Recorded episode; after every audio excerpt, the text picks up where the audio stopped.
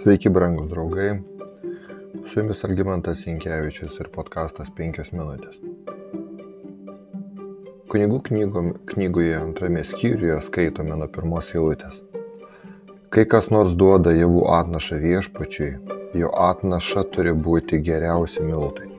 Jis užpils ant jų aliejaus, apibarstys smilkalais ir atneša Arono sūnums kunigams Kunigas paėmęs iš jos saują geriausių miltų ir aliejaus, draugė su visais milkalais pavers šią priminimo atnašą dūmais ant aukuro malonaus kvapo ugninę auką viešpačiui.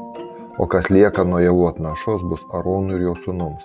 Tai švenčiausia dalis ugnim, ugninių atnašų viešpačiui. Trumpai pažvelkime į javų arba duonos auką. Vieni vertimai ją vadina duonos auka, o kiti vertimai rašo, tai yra maisto auka arba atnaša. Mes naudokime javų duonos auką. Šiauka skiriasi nuo visų kitų aukų tuo, kad aukoje nebuvo išlietas kraujas. Nebuvo išliejamas kraujas. Ją buvo galima aukoti tiek, kartus, tiek kartu su kitomis aukomis, tiek ir atskirai. Be to buvo keli variantai, kelios rūšys javų duonos aukų. Skai kunigų atsiprašau 24 skyriuje skaitome. Paimsi geriausių miltų ir iškepsi iš jų 12 kepalų, kiekvieną iš dviejų dešimtadalių efos. Sudėsiu juos dviem eilėmis po šešis kiekvienoje eilėje ant stalo iš grino aukso viešpatės akivaizdoje. Kiekvieną eilę pabarstysi grinais smilkalais, kad jie būtų aiški atnaša duonai, kaip ugniniai atnašai viešpačiui. Nuolat kiekvieną šabo dieną Oronas sudės kepalus iš naujo viešpatės akivaizdoje, kaip Izraelio tautos įsipareigojimą amžina sandora. Duona priklausys Aronui ir jo palikonims, suvalgys ją šventoje vietoje, nes ji jam ypač šventa, amžinas atlikis, dalis iš ugninių atnašų viešpačiui. Čia mes randame auką, kur yra duona.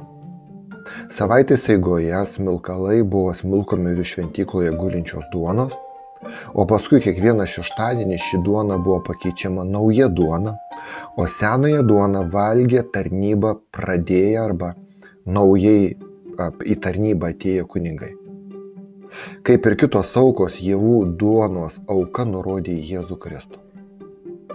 Juk jis ne pats juk jis pats nekartą save vadino gyvenimo duona ir iš dangaus nusileidusi duona. Jono Evangelijos šeštame skyriuje dviejose vietose mes turime tokį, tokius Jėzaus žodžius. Jėzus atsakė, aš esu gyvybės duona. Kas ateina pas mane, niekuomet nebalks ir kas tiki mane, niekuomet nebetrokš. Kitoje vietoje jisai sako, aš esu gyvoji duona, nužengus iš dangaus. Kas valgys šią duoną gyvens per amžius. Duona, kurią aš duosiu, yra mano kūnas už pasaulio gyvybę. Kaip matote, yra tik vienas žingsnis nuo javų duonos aukos, padėtos ant šventyklos stalo iki duonos laužimo viešpaties vakarienės metu, kuri aprašyta yra Naujajame testamente.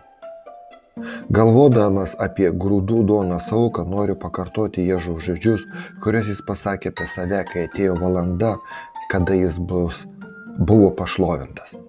Iš tiesų, iš tiesų sakau jums, jei kviečio grūdas kritęs į žemę nemirs, jis liks vienas, o jei mirs, jis duos gausių, gausių vaisių.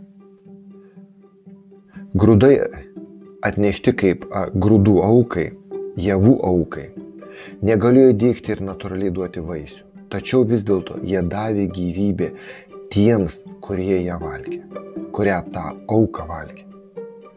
Vieno mirtis suteikė gyvybę daugeliu.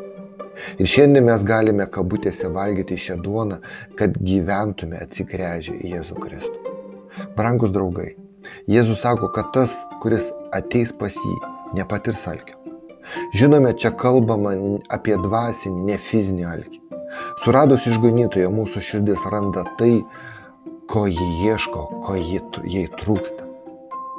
Nuo šiol, nuo tos dienos, mūsų gyvenimas nėra kažkokia beprasme egzistencija, bet gyvenimas pripildytas džiaugsmu, ir amžinybės laukimo su Jėzumi, mūsų gelbėtoju, kuris yra mūsų gyvenimo duona.